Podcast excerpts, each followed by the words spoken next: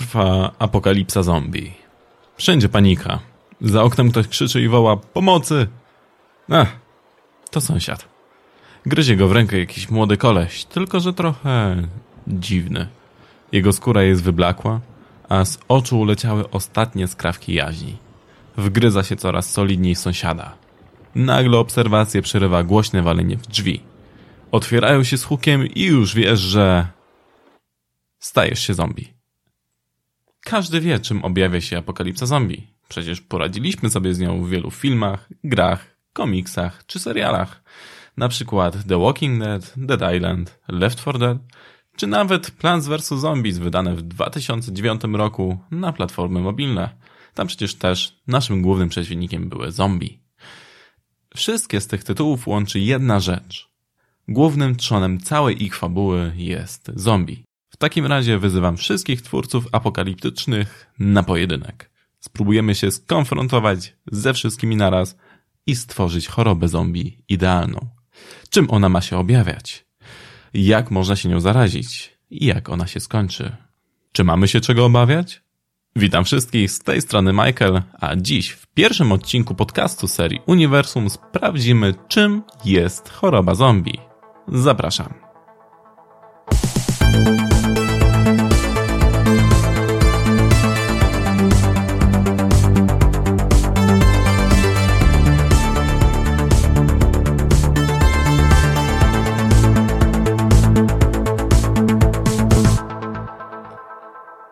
Jako, że choroba zombie tak naprawdę w naszym świecie nie występuje w tej postaci, jak na filmach czy grach, możemy się poradzić jedynie językoznawców. Według definicji PWN, choroba zombie to jest, mm, znaczy sama postać zombie to jest postać ożywionego trupa atakującego ludzi. Z tą definicją jest wiele problemów. Mianowicie my, jako twórcy, jako odbiorcy mediów, nigdzie nie jesteśmy w stanie jej wykorzystać.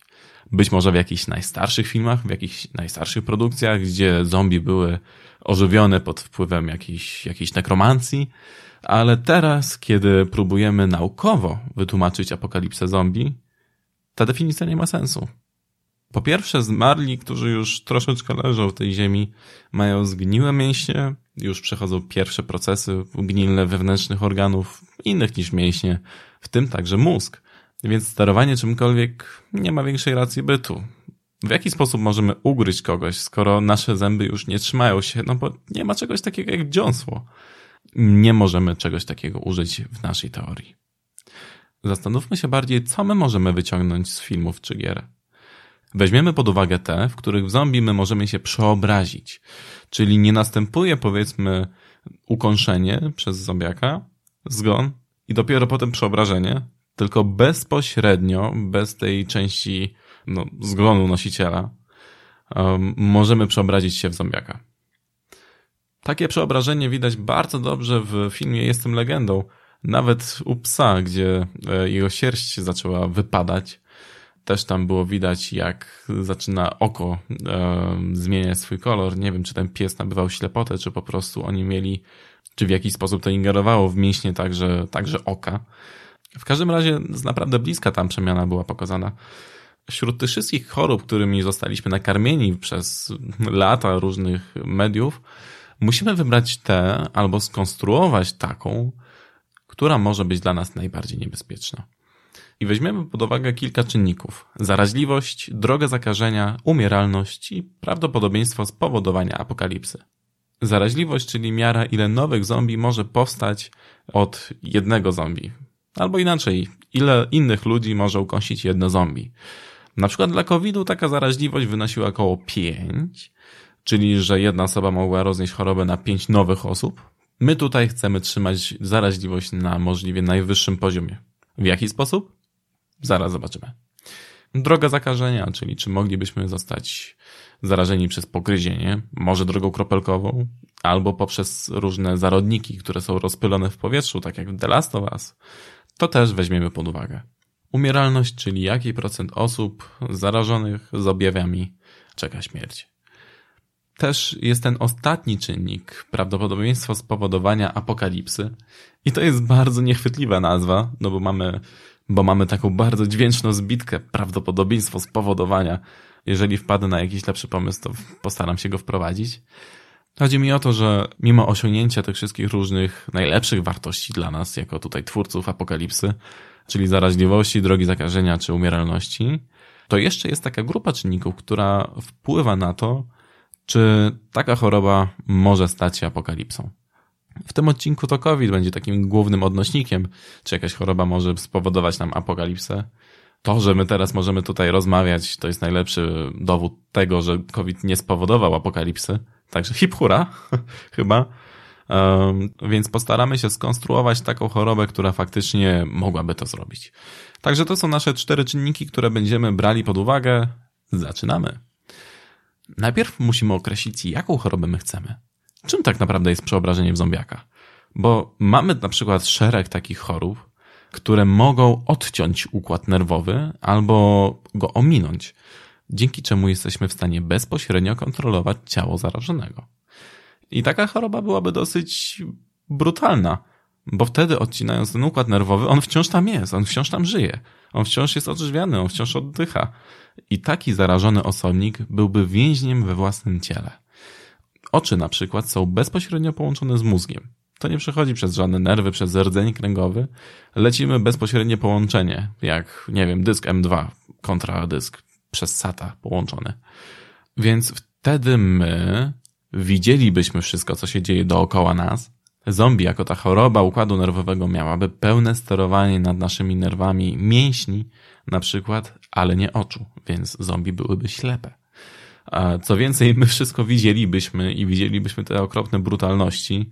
Nas inne zombie raczej by nie gryzły, więc bylibyśmy swego rodzaju w takiej wielkiej sforze, no ale to też, no, co to za życie tak naprawdę. Co więcej, odczuwalibyśmy głód, odczuwalibyśmy pragnienie, zmęczenie, stres, wszystko to, co było już wcześniej, nadal byśmy odczuwali, ale nie mielibyśmy jak e, usatysfakcjonować te potrzeby, jak spełnić te potrzeby.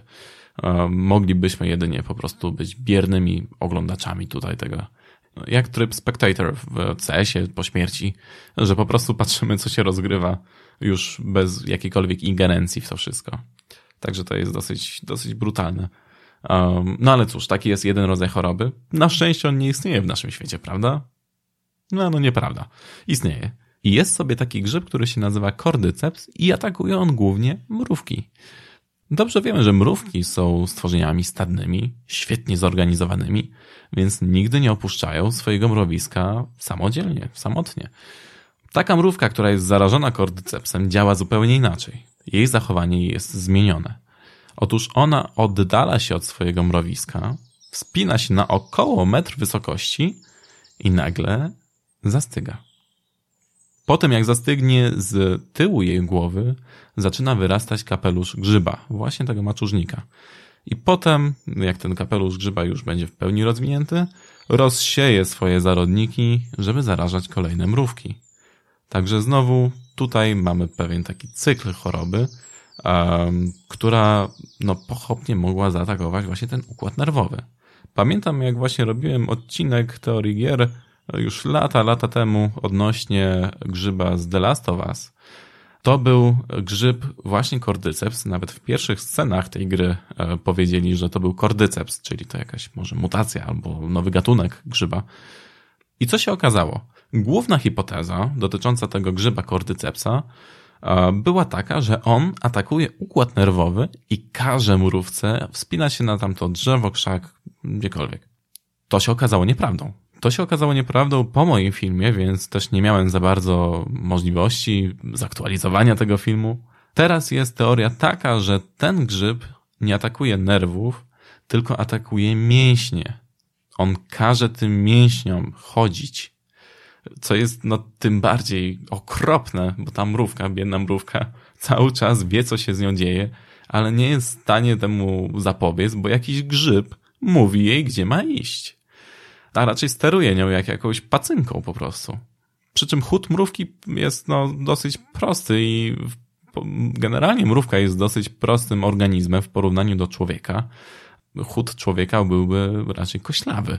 Nie mielibyśmy tych wszystkich biegnących zombie tylko po to, żeby cię udziałać.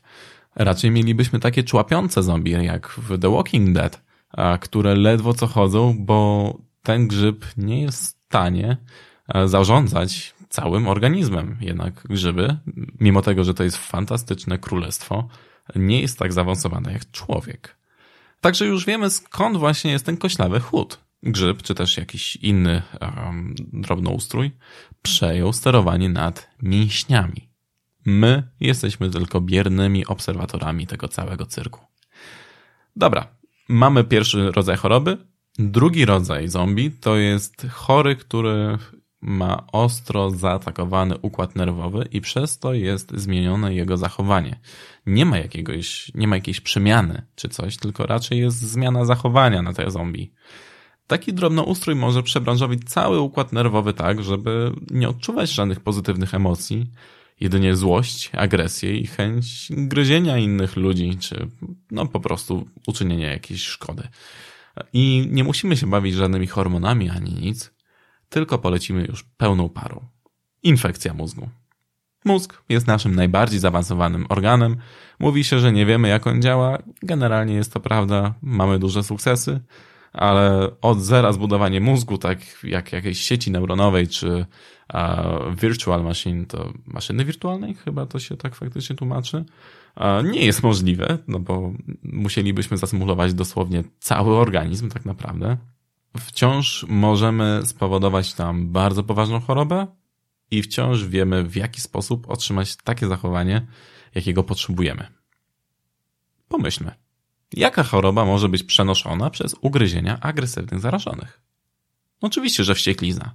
Dokładnie ta wścieklizna, przed którą ostrzegają nas w szkole, czy na jakichś wycieczkach, czy w lesie, jak stoją takie tabliczki z opisem, jakie tam sówki, kuny, jenoty możemy zobaczyć. Uważaj na wściekliznę. I czym się to objawia? Zawsze mówiono, że wściekliznę można rozpoznać po pieniącej się pianie z ust.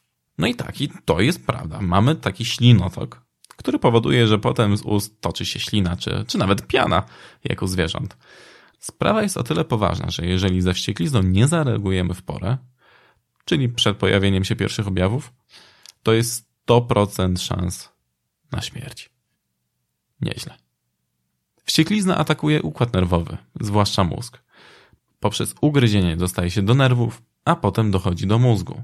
I to jest bardzo ważne, że wirus wścieklizny idzie poprzez neurony. I dlatego ta choroba nie może być naszą chorobą apokalipsy zombie. Może jakaś inna odmiana, o której zaraz pogadamy, ale ta choroba, która występuje na Ziemi już teraz, jest no, do zwalczenia tak naprawdę. Jeżeli ugryzie nas jakieś zwierzę, od razu jak się zgłosimy do odpowiedniego tam lekarza czy, czy punktu zdrowia, trzeba podać szczepionkę na wściekliznę. Istnieje szczepionka na wściekliznę i to jest nasz największy bohater w walce ze wścieklizną. Potem jak następują objawy, to już nie ma czego sprzątać. Każdego roku na wściekliznę umiera 55 tysięcy osób. W Europie czy w Stanach Zjednoczonych to jest rzędu kilku osób rocznie. Dlatego, że wiemy jak z tym walczyć, dlatego, że mamy szczepionki, to jesteśmy w stanie bardzo szybko sobie z tym poradzić. Wciąż trzeba uważać, oczywiście, to znaczy nie, nie głaskać piesków z dziwną pianą z ust, tylko po prostu wiać. U ludzi ta wścieklizna troszeczkę inaczej postępuje niż u zwierząt. W artykule o nazwie Overview Prevention and Treatment of Rabies, czyli przegląd, zapobieganie i leczenie e, wścieklizny, w czasopiśmie Reviews of Therapeutics rozróżnia się dwa typy postępowania choroby. Mamy Furious i Dump Rabies, czyli mamy wściekłą i otępiającą odmianę wścieklizny. Ta wściekła odmiana wścieklizny, czyli ta wściekła wścieklizna, ale to takie masło maślane wyszło, a trudno. To jest odmiana, która funduje nam hiperaktywność, jakąś nadaktywność, pobudzenie. Jesteśmy agresywniejsi, zmieniamy swoje zachowanie na bardziej antagonistycznie nastawione do wszystkich. Objawia się też hydrofobią, czyli wodowstrętem. No, wstrętę przed wodą. Też, co ciekawe, występuje aerofobia, czyli strach przed powietrzem. To bardziej chodzi o to, że jeżeli jest jakiś przeciąg, jest wiatr, jest jakiś bodziec, e, właśnie ten powietrzny, to też e, może to skończyć e, wstrząsami albo, no, albo jakimś wzmożonym aktem agresji. Także oczywiście ślinotok, także światłowstręt dochodzi, bóle głowy, wymioty, nudności, gorączka. Z kolei ta otępiająca forma wścieklizny powoduje, że pacjent jest po prostu taki ślamazarny, ospały i no cóż, otępiony. Więc tutaj my oczywiście chcemy tą pierwszą opcję, ponieważ wciąż trzymamy się tej kwestii, że chory jest e, agresywny, że chory będzie gryźć wszystkich. Tylko uwaga, jeżeli chodzi o ten rodzaj wścieklizny, który funduje nam nadpobudliwość, to ludzie nie gryzą, tylko raczej biją i kopią.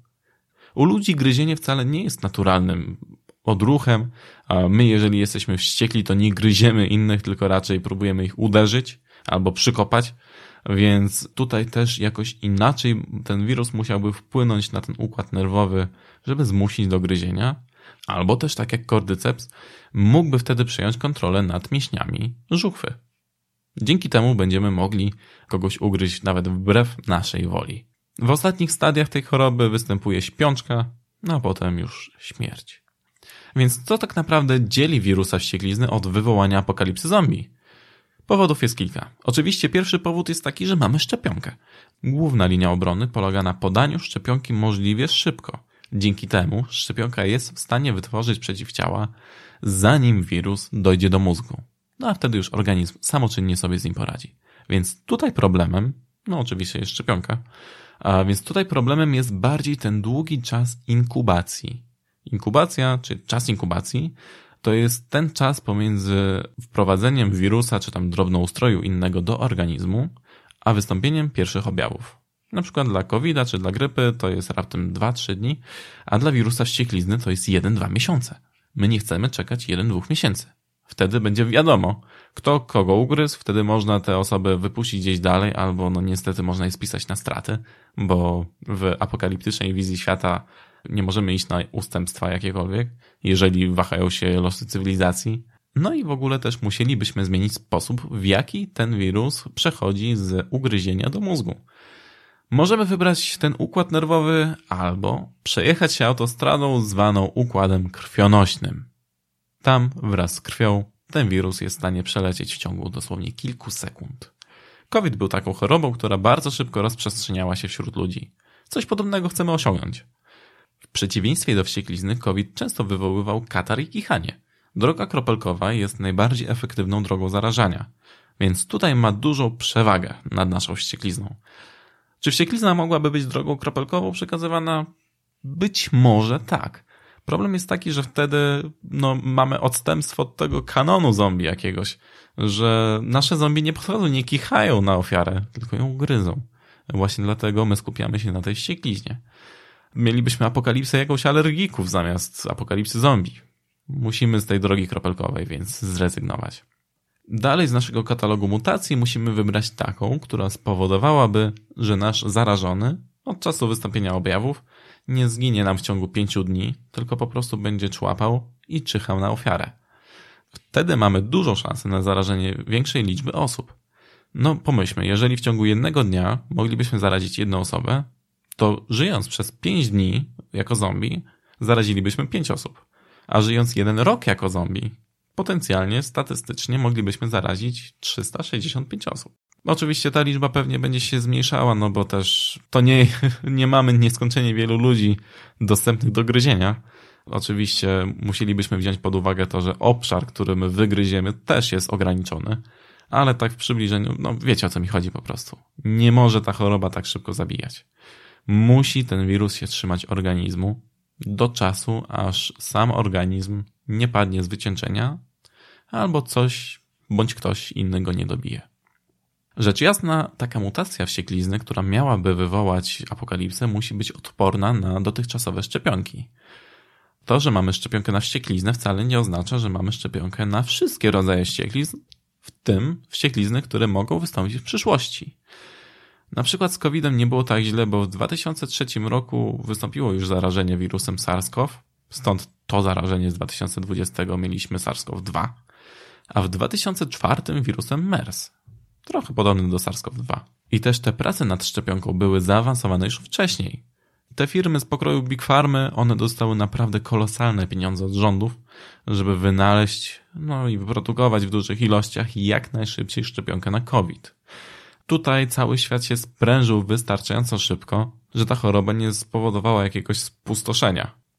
No i to, że ona przechodziła całkiem szybko, no bo po jakichś dwóch tygodniach to też pewnie pomogło. No przynajmniej nie zaszkodziło, not gonna lie. Oczywiście ogromny wpływ na rozwój apokalipsy będzie miało to, kto będzie pacjentem zero, gdzie będzie pacjent zero i w jaki sposób władze zareagują. No, z covid możemy się tylko uczyć, co zrobić, żeby było lepiej, co zrobić, żeby e, faktycznie było szczelniej. Także tutaj mieliśmy jakiś taki przedsmak tego, co może się wydarzyć podczas apokalipsy. Mamy motywację do dalszej pracy i do dalszego monitorowania chorób zakaźnych. Dlatego też ważne jest monitorowanie wścieklizny. Jeżeli będzie mało zarażonych, to będzie mniejsza szansa, że wścieklizna zmutuje. I zmutuje w sposób taki właśnie, jaki powiedziałem, czyli w ten apokaliptyczny i możliwie najgorszy. Taka zmutowana wścieklizna mogłaby faktycznie doprowadzić do końca naszej cywilizacji. Niemniej jednak nasz świat przebył już naprawdę wiele różnych pandemii. COVID był piątą największą pandemią w naszym świecie. Wcześniejsza pandemia, dżuma, plaga justyniańska, czy też hiszpanka zabrały naprawdę okrutne żniwo. Dlatego na tą kolejną pandemię musimy odpowiednio zareagować w zależności od tego, jakiej skali i z jaką chorobą będziemy mieli do czynienia. W dobie globalizacji i ogromnych miast pandemie mogą i będą się zdarzać, zwłaszcza te pandemie odzwierzęce. Wścieklizna też jest najczęściej przekazywana przez nietoperze. Można się wścieklizną zarazić, wchodząc do jaskini, w której są odchody nietoperzy i wdychając te opary, więc apokalipsa zombie wcale nie jest nierealnym scenariuszem końca naszej cywilizacji. Tymczasem dziękuję wszystkim za oglądanie. Mam nadzieję, że ten pierwszy odcinek podcastu Wam się spodobał, a jeśli tak, to nie zapomnijcie zajrzeć na kanał Uniwersum, gdzie zobaczycie dalsze rozważania na temat apokalipsy zombie. Do zobaczenia.